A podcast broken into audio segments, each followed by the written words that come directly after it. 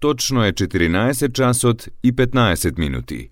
Ја следите програмата на македонски јазик на јавната медиумска установа Радио Телевизија Војводина, трета програма. Емисија Македониум.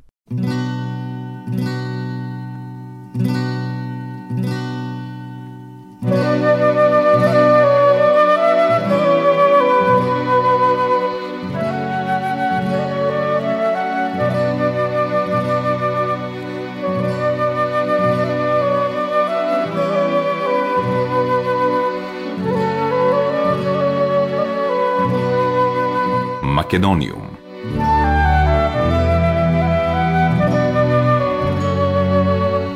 Добар ден и добре дојдовте во најновото издание на емисијата Македониум. Со вас, почитувани слушатели, е вашиот уредник и водител Јулијана Милутиновиќ, секоја среда со почеток во 14 часот и 15 минути на фреквенцијата на третата програма на радиото при Радио Телевизија Војводина. Македониум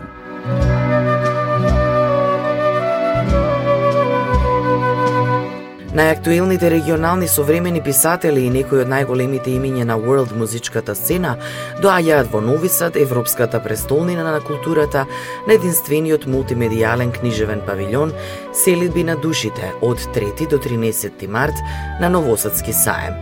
Централното случување на оваа програмска целина ќе представува истоимената изложба со поднаслов Селидби на душите. Нови Сад низ книга, чиј носител е градската библиотека, а која ќе биде поставена во аулата на Новосадски саем и поврзана со традиционалниот саем на книгата, што секако ја истакнува важноста на најстарата саемска куќа во Србија, која во наредните 10 дена ќе биде центар на книжевноста. Утре на 3 март започнува мултимедијалниот павилјон на книжевноста и во наредните 10 дена низ литература, изведувачка и визуелна уметност ќе се прикажат разните влијанија на миграциите низ културата. По повод ова во Нови Сад пристигнуваат и најактуелните современи регионални писатели Румена Божаровска, Милица Вучковиќ, Дејан Тиаго Станковиќ, Милјенко Јерговиќ, Дамир Каракаш, Кристијан Новак и Дарко Цвјетиќ. Румена Бужаровска, македонската писателка и критичарка, родена во 1981 година во Скопје, а чии приказни се преведени на шест јазици, денеска од 17 до 18 часот во Букастор, во Цара Душа на 68 ќе подпишува книги. Утре доаѓа на современиот павилјон на книжевност Преселби на душите Нови Саднис книга во Мастер халата на Новосадски саем. Инаку Румена предава американска литература на Филолошкиот факултет во Скопје и се занимава со книжевен превод. Авторка е на студија за хуморот во книжевноста, за смешното, теориите на хуморот низ призмата на расказот, како и збирките раскази, чкртки, осмица, Мојот маж и Никаде не одам. Во 2016 година македонската писателка Румена Бужаровска беше вклучена меѓу 10 најинтересни млади европски писатели од страна на платформата Литературна Европа во живо во рамките на организацијата Литература преку граница. Македониум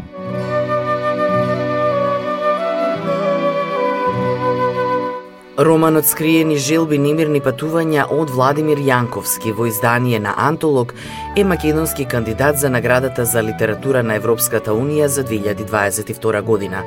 Оваа награда со која се истакнуваат најдобрите нови прозаисти од Европа се доделува од 2009-та. Покрај Јанковски, оваа година учествуваат и автори од Австрија, Белгија, Босна и Херцеговина, Грузија, Грција, Ирска, Италија, Литванија, Норвешка, Романија, Словачка, Шпанија и Украина. Скриени желби немирни патувања е мозаичен роман во кој приказните за четирите лика што живеат во Скопје се комбинираат со приказните за 50 на ликови од различни географски точки. Книгата се занимава со односот помеѓу реалното и виртуелното, прашањето за професионалниот успех и успехот во светот на уметноста и со врската помеѓу надворешните постигнувања и потрага по себе. Јанковски дипломирал на катедрата за општа и компаративна книжевност на Филолошкиот факултет Блаже Конецки во Скопје. Скриени желби немирни патувања за кој ја доби наградата Роман на годината пред две години е негов трет роман по невидливи љубови и вечно сегашно време. Македониум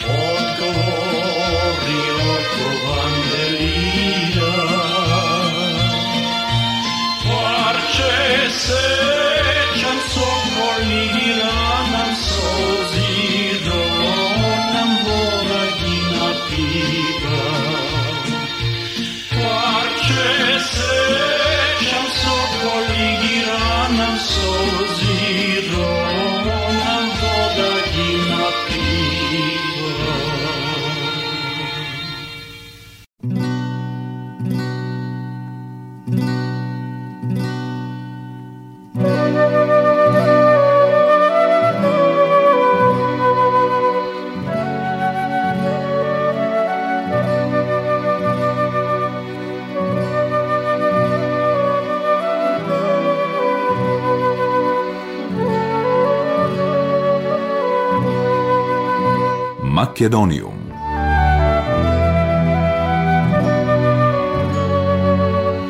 Со символично предавање на клучот од градот од страна на градоначалникот на карневалистите, вечерва во Струмица почнуваат 8-дневните карневалски празнувања кои ќе траат до 9 овој месец. По предавањето на клучот ќе се одржи промоција на монографијата Струмичко чудо и ќе се доделат благодарници на карневалски групи, спонзори и институции кои дале придонес за Струмичкиот карневал по повод 30 години од обновувањето на вековната традиција. Главниот настан на Струмичкиот карневал ќе се одржи в сабота, кога ќе продефилираат домашните карневалски групи, а ќе учествуваат и групи од Лесковац, Србија и од Кукуши Солун од Грција. Струмичкиот карневал повторно се организира во целосно издание по пауза од две години заради пандемијата од COVID-19. Организаторите велат дека сите настани ќе се одвиваат според COVID протоколите и упатија апел до сите учесници и посетители да се придржуваат до нив.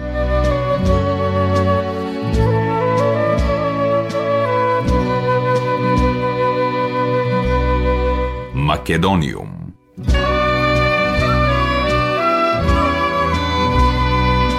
Во рамките на регионалниот проект Регионална мрежа за културна разновидност РЕАД, поддржан од Европската Унија, отворен е повик за резиденции на автори и преведувачи од Северна Македонија, Албанија, Косово, Србија и од Турција.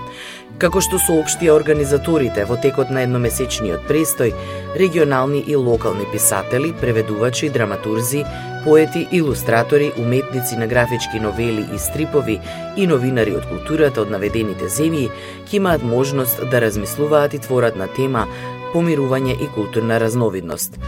Резиденцијалниот престој ќе го организираат проектните партнер организации од петте земји. Секоја организација ќе прими двајца автори во текот на оваа година. Како што е најавено, во иста мера се добредојдени млади и немногу искусни автори, како и веќе етаблирани и автори со поголемо творечко искуство. Еден од критериумите за пријавување е авторот да има издадено најмалку две собствени книги или дела или два преводи. Апликантите мора да се жители на една од петте земји. Резиденциите ќе се одржуваат во периодот од мај до декември оваа година, а од избраните автори ќе се очекува да бидат продуктивни и во текот на резиденцијалниот престој. Покрај работата на пообемниот проект, со кој ќе аплицираат, се очекува целосно да завршат и едно пократко дело, текст, есеј, поема, кратка приказна, статија, стрип, поврзано со општата тема, обединети во разновидност, придонесувајќи кон помирување и мултикултурна толеранција. Покрај творењето и преведувањето, од авторите ќе се очекува да учествуваат во работилници, да прават презентации, некои од нив може да се дел од мобилната библиотека, активно да учествуваат на литературните фестивали на партнерските организации, да одржуваат јавни литературни читања и така натаму. Пријавувањето е преку онлайн платформа и на англиски јазик, а рокот за пријавување е до 31 март. Организациите домаќини ќе обезбедат сместување, покривање на патните трошоци за авторот и стипендија за секојдневните трошоци.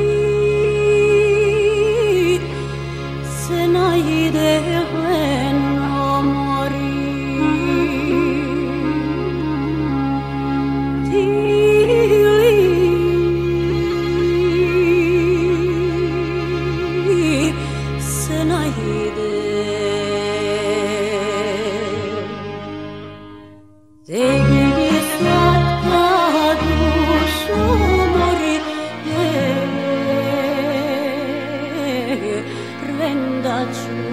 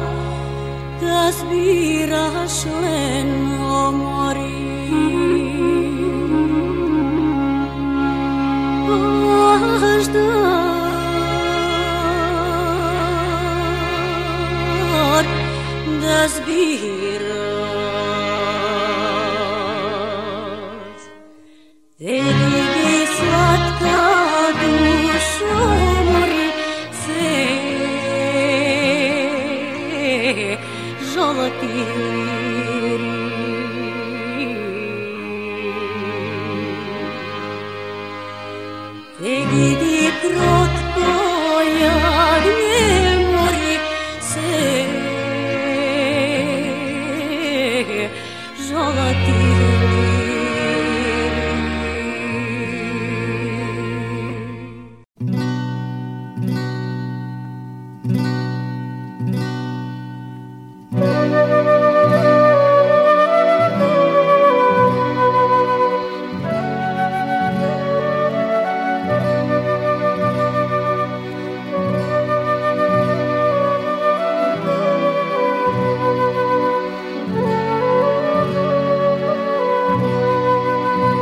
Македониум.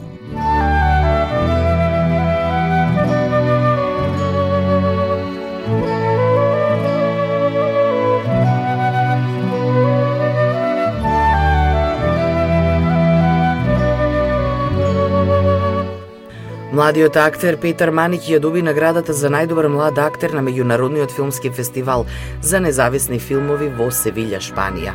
Наградата му е доделена за неговиот уникатен актерски пристап во креирањето на улогата на Никола во филмот Стела, чија режија ја подпишува Стојан Вујчиќ, а во продукција на Dream Factory, соопштуваат од оваа продуцентска куќа.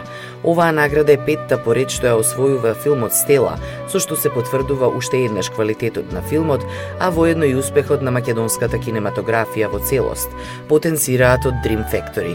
Во реализацијата на овој прв и единствен македонски долгометражен филм за деца е вклучена меѓународна екипа. Главен лик е младата шарпланинка Стела. Лауреатот Манич за прв пат се појавува на филм, а во него играат и Дејан Лилиќ, Тони Михајловски, Симеон Дамески и српската актерка Христина Поповиќ. Сценарието е на Ева Камчевска, кинематографер е Ѓорги Клинчаров, костимограф на филмот е Милена Миленковиќ, монтажер е Данчо Стевков, а композитор Оливер Јосифовски од Љубојна. Долгометражниот игран филм Стела е копродукција помеѓу македонската продукцијска куќа Dream Factory и српската продукција Акција продукција, како и германската Моуна.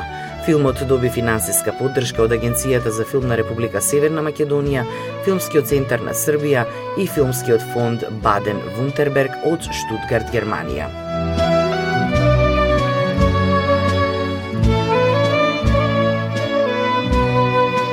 Македониум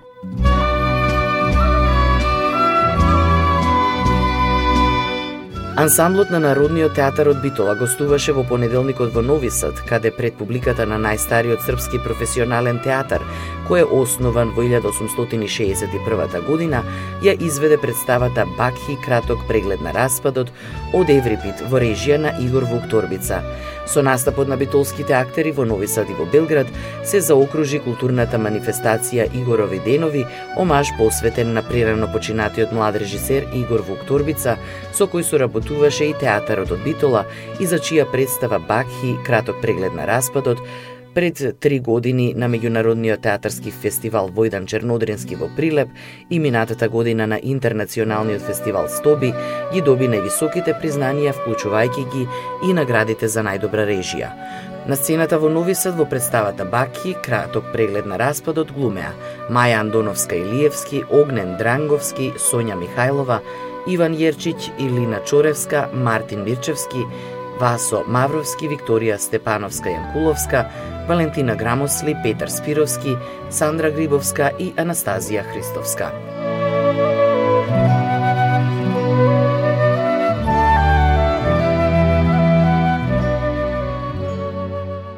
Македониум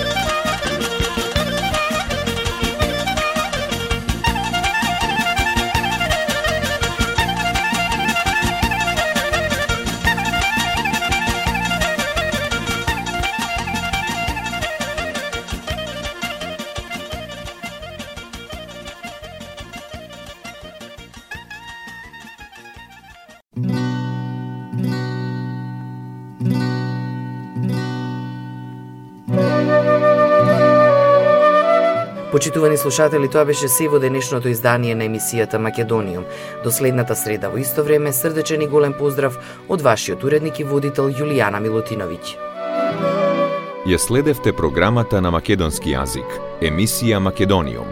Главен и одговорен уредник Воин Поповиќ.